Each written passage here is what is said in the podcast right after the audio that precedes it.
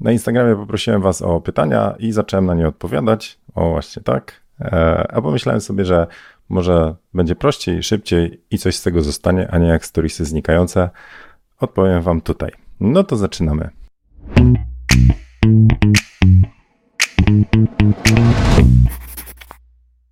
Mateusz pyta, czy otwarcie studia foto w czasach koronawirusa jest dobrym pomysłem? Według mnie otwarcie studia w ogóle jest tematem, który wymaga głębszych przemyśleń, dlatego że jest to po prostu biznes, czyli trzeba policzyć cały biznesplan, koszty, prognozy przychodu, cash flow, czyli czy wam starczy gotowy na kolejne miesiące. E, trzeba policzyć też, czy wyobrazić sobie i jakoś to wymiarować ryzyka. No jak w każdym biznesie. Znam ludzi, którzy stwierdzili, jestem fotografem, strasznie lubię robić zdjęcia, studium się przyda, będę mógł robić tam zdjęcia, a jeszcze będę mógł podpatrzeć inne sesje, no to wchodzę jak w dębo z pomieszczenia, zrobię coś, co jeszcze będzie na siebie zarabiało. A potem okazało się, że bycie właścicielem studia i bycie fotografem to są dwie kompletnie różne role. Czyli trzeba było sobie zrobić jeszcze taką analizę i spisać na kartce, czy zdajecie sobie sprawę, co to znaczy prowadzić studio jeżeli ma cykloramę, czy chcecie być malarzem cykloramy. Gdy ktoś jest e, właścicielem studia, to musi się umawiać na konkretną godzinę, odebrać klucze, zabrać. Jak będziecie robić tam imprezy, czyścicie po tych ludziach. Ok, macie team, ale zaczynacie po prostu zarządzać powierzchnią, więc biznesowo trzeba to policzyć i też tego, czy to jest taka właśnie rola, którą chcesz mieć, czyli posiadacz studia. Jeżeli tak, jeżeli to się wszystko dopina, no to ok. A przy koronawirusie, czy ogólnie przy trudniejszej sytuacji, myślę, że po prostu trzeba sobie wziąć większą poprawkę na ryzyka, że może się to wszystko nie udać.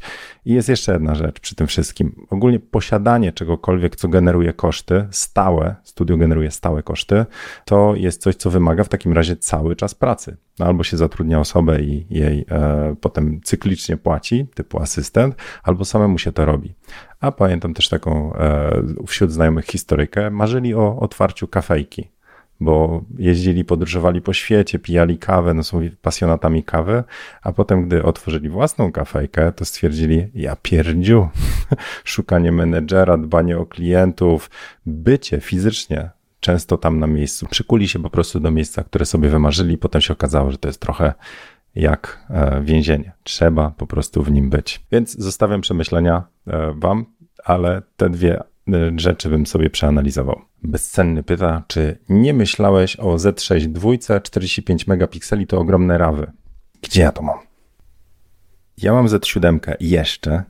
Jest to pierwszy bezlusterkowiec Nikona w tym nowym systemie Z. I ja jestem zachwycony Z7. E, jak wszystkimi zaletami bezlusterkowców. E, ostrość na oku, e, podgląd tego, co już wyjdzie, czyli na przykład podgląd, robię zdjęcia w czarno-białym, mogę ostrość zbierać z praktycznie całego, całego wizjera, czyli z całej matrycy. No dużo, dużo funkcji, które mi po prostu odpowiadają. Także na pewno Z jest dla mnie świetnym wyborem. I teraz Z6 czy Z7? Ja robię zlecenia komercyjne, gdzie klientem może być jakaś firma, która potrzebuje na przykład do kampanii na billboardy i oni w wymaganiach piszą, że potrzebują dużo, dużo megapikseli. Nawet jeśli tego fizycznie nie potrzebują, to rzeczywiście te 47 megapikseli, które ta matryca ma, jest istotne dla mojego biznesu. Także ja biorę Z7. I to, co planuję zrobić, to z Z7 przeskoczyć na Z7 II, bo będzie miała dwa sloty, szybszy procesor, jeszcze lepszą tą ostrość, tam mi w zupełności wystarcza. A czy Z6 dwójka tak, gdybym nie brał pod uwagę tego, że potrzebuję tych megapikseli, to Z6 byłoby po prostu dla mnie sztosem. To, że ja muszę robić te megapiksele duże, no już do nich przywykłem, ale to oznacza, że ja muszę mieć większe dyski, większe karty, wolniej to się otwiera w Photoshopie, wolniej kopiuję i tak dalej. To jest właściwie bolączka, te megapiksele. Wolałbym mieć 24, to mi też w zupełności wystarcza i tak w większości te zdjęcia trafiają na Instagram, który ma 1080 pikseli na poziomym boku. Po cholerę tyle megapikseli. Sobie sobie tylko spowalniamy proces i zwiększamy koszty, bo trzeba laptopa nowego kupić na przykład. Także Z6 II byłaby super, tyle że mam to wymaganie, że biznes mi trochę do tego że biznes mi od tego zależy, więc zostaje z Z7 dwójką. Takie powiadomienia. Karol pyta, czy miałeś kiedyś dzień, w którym myślałeś, żeby nie robić już więcej fotokawek? Yeah. Często, kiedy myślałem o tym, że ciągle jest coś nie tak. To znaczy, jeżeli wpuszczałem ten głos ludzi, którzy trochę narzekali, no to znaczy, że nie ten dźwięk, za dużo bełkotu, za dużo odpływania z tematu na temat, nic się nie dzieje, zmieniłbym coś i tak dalej. To jak tych ludzi słuchałem, a nie widziałem tej drugiej, jakoś nie patrzyłem na to, jak dużo wartościowej treści jest dla ludzi, którzy tego potrzebują i forma im taka właśnie luźna, fotokawek pasuje, no na negatywy się raczej mocniej patrzy, nie? że jeden negatywny komentarz to nie jest to samo, co 10 pozytywnych wręcz czasami.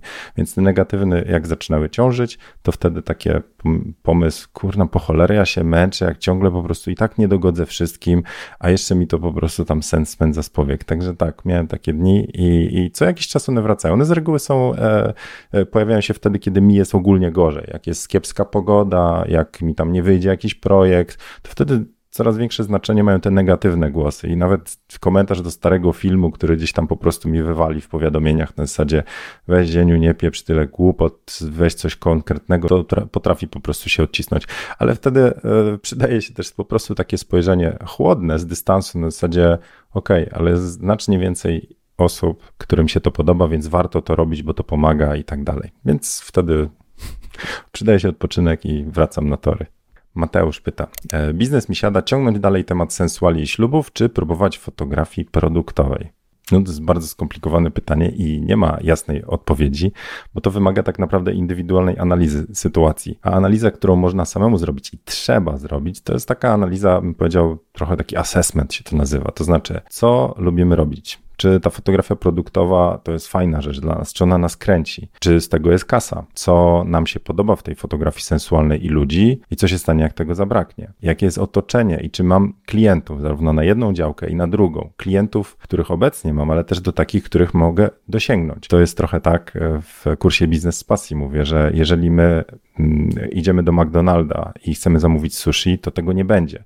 Więc jeżeli u nas w otoczeniu, czy tam, gdzie możemy dotrzeć, nie wiem, pojechać i, i, i sięgnąć tymi naszymi marketingowymi e, mackami, nie ma klientów na nasze sesje, to będzie nam trudniej. Więc robienie czegoś, na co nie ma zapotrzebowania, po prostu jest wręcz no właśnie. Załóżmy taki scenariusz. Ta fotografia produktowa, jeżeli jeszcze tego nie testowałeś, na przykład, że dla ciebie będzie to po prostu zmora, bo siedzisz przy tym stoliku bezcieniowym i po prostu napierdzielasz się, czujesz jak po prostu automat do naciskania spustu, jedynie cała robota to jest przekładanie tego produktu, który będziesz fotografował i trzeba obfotografować 400 dziennie.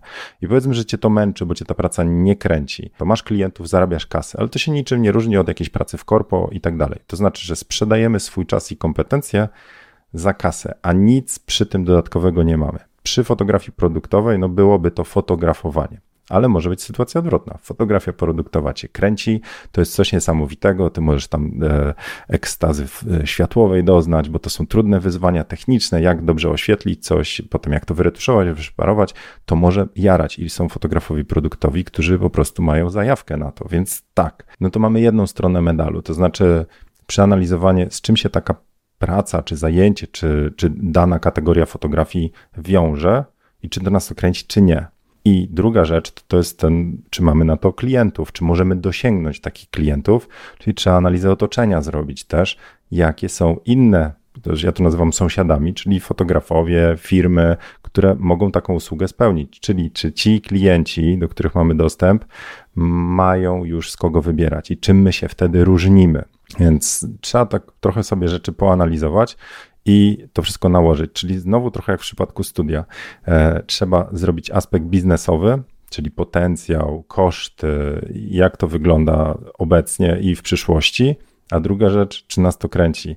Serio nie wierzę w to, że ani jeden, ani drugi scenariusz po prostu nie jest w stanie na długą metę zadziałać. To znaczy, scenariusz, kiedy robimy coś, co nas nie kręci, ale przynosi kasę, ja to nazywam trochę taką prostytucją. No, znaczy, po prostu sprzedajemy się za kasę, albo drugi scenariusz, robimy coś, co nas kręci, ale nie przynosi kasy. Prędzej czy później po prostu pękniemy finansowo, więc musimy połączyć dwie rzeczy, a takiego szukanie na skrajności może zadziałać krótkoterminowo, typu wyjadę za granicę, będę zapieprzał, a zarobię kasę, a potem jak wrócę, to mam kasę na przykład na zrobienie swojego biznesu, więc Myślę, że też jest kwestia tej, tej, własnej odporności. Ile my jesteśmy w stanie pociągnąć sytuację niekomfortową, zarówno tą finansową, bo mamy od kogo pożyczyć, możemy spać po nocach, nawet jak mamy długi i tak dalej, i tą drugą, to znaczy robiąc coś, co nas nie kręci, będziemy się czuli, że wypalamy. To są skrajności. Najfajniej jest mieć coś pośrodku lub połączyć. Czasami dwie działki dobrze połączone powodują, że to się jedno z drugim napędza.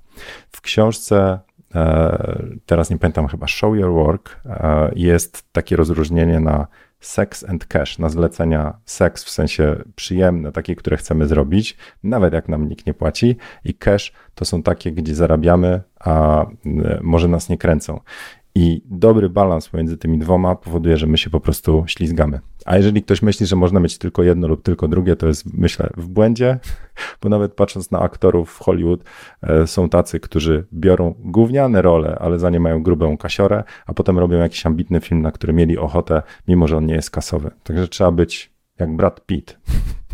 Przemek pyta o cel wyjazdu do Miami. Wyjechałem na sesję wtedy, e, bo rozumiem, że nawiązujesz do tej fotokawki, gdzie to pokazywałem. Wyjechałem na sesję i rozszerzyłem sobie wyjazd, bo skoro to był wyjazd w piękne miejsce, to mogłem tam trochę zostać, więc przebukowałem e, za zgodą klienta wylot powrotny na dalszą datę i sam sobie opłaciłem hotel, także przez tydzień w Miami byłem. Czyli to była sesja komercyjna do kampanii plus trochę urlop i jak się okazuje, bardzo fajny początek całego tego YouTube'a mojego. Fajnie. Pytanie z kategorii frustracja. Jaki obiektyw po 50 mm 1.8 do Nikona D60? Posiadam już 50, ale myślę nad kolejnym. Ludzie, że takie pytania oderwane z kontekstu totalnie nie mają sensu. No serio. Znaczy, tak jakbym cię zapytał, ty traktor kupić teraz czy Lamborghini? Bo mam kasę.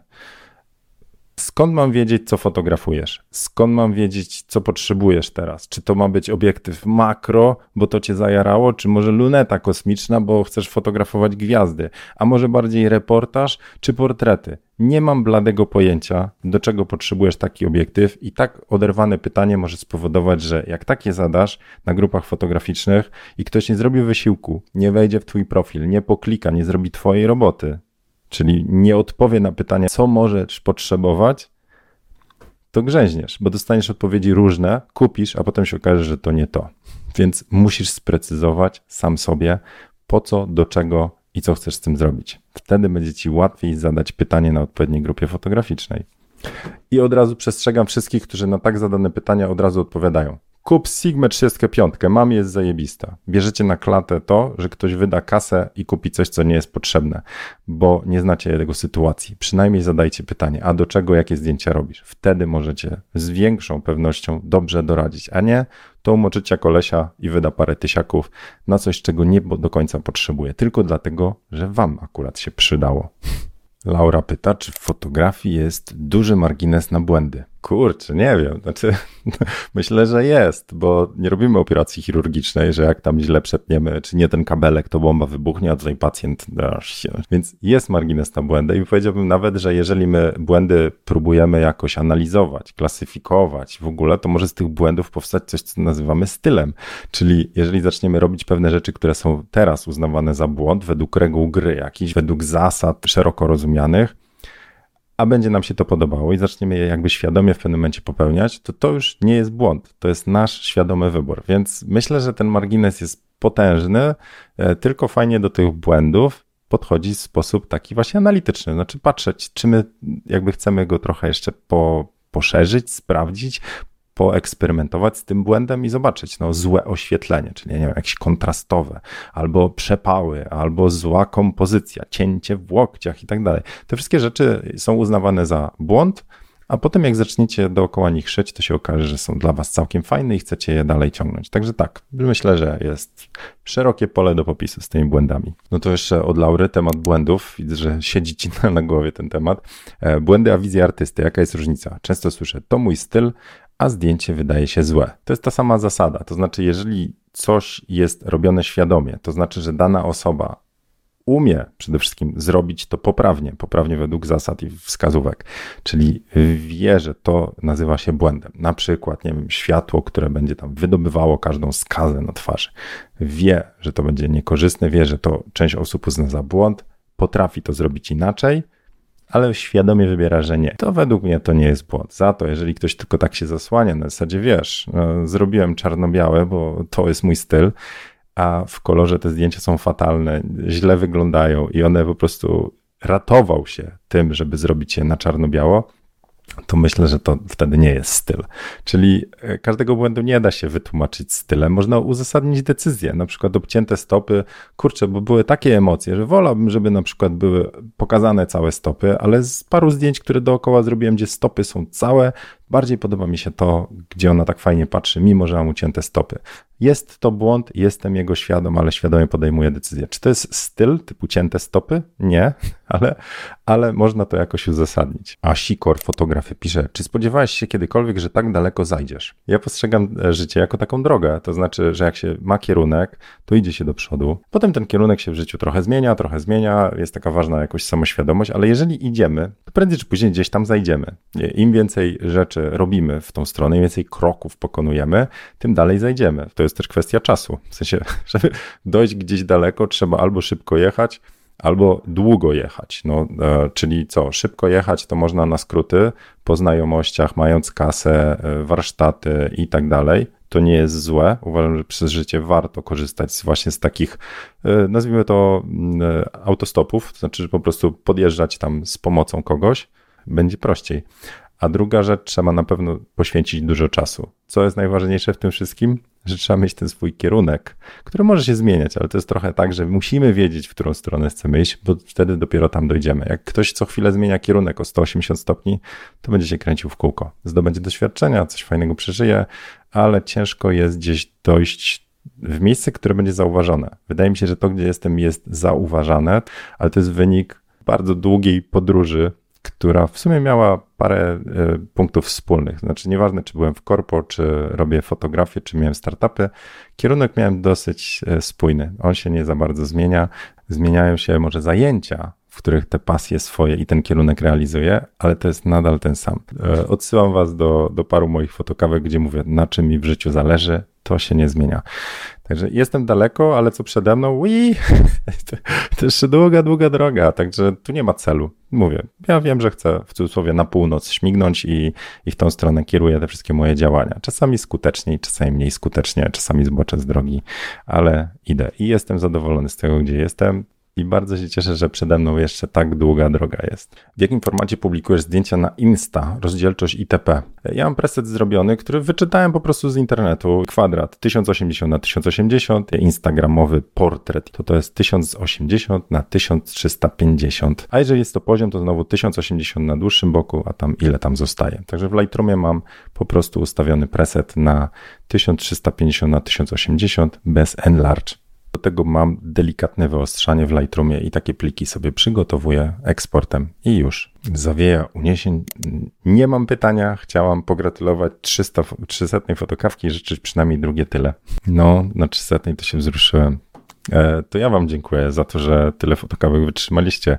No i zapraszam do kolejnych. Może nie drugie tyle, na razie 301, 302 i powolutku, powolutku będziemy jechać dalej. Dobra, tyle na dzisiaj w tych pytaniach, także zapraszam Was, zostawcie w komentarzu, któreś z tych chcielibyście dalej pociągnąć, jakoś bardziej przeanalizować, bo to są skrótowe odpowiedzi. E, a druga rzecz, wbijcie na Instagrama. Ja będę takie pytania cykliczne, to znaczy zadajcie mi pytanie. Będę robił e, co jakiś czas, także może Wasze pytanie też się znajdzie i spróbuję na nie nagrać odpowiedź tu czy na Insta. Czekam na komentarz, czekam na łapeczki i do zobaczenia na fotokawce i w kolejnym jakimś odcinku. Może pytań i odpowiedzi, może co innego. Cześć.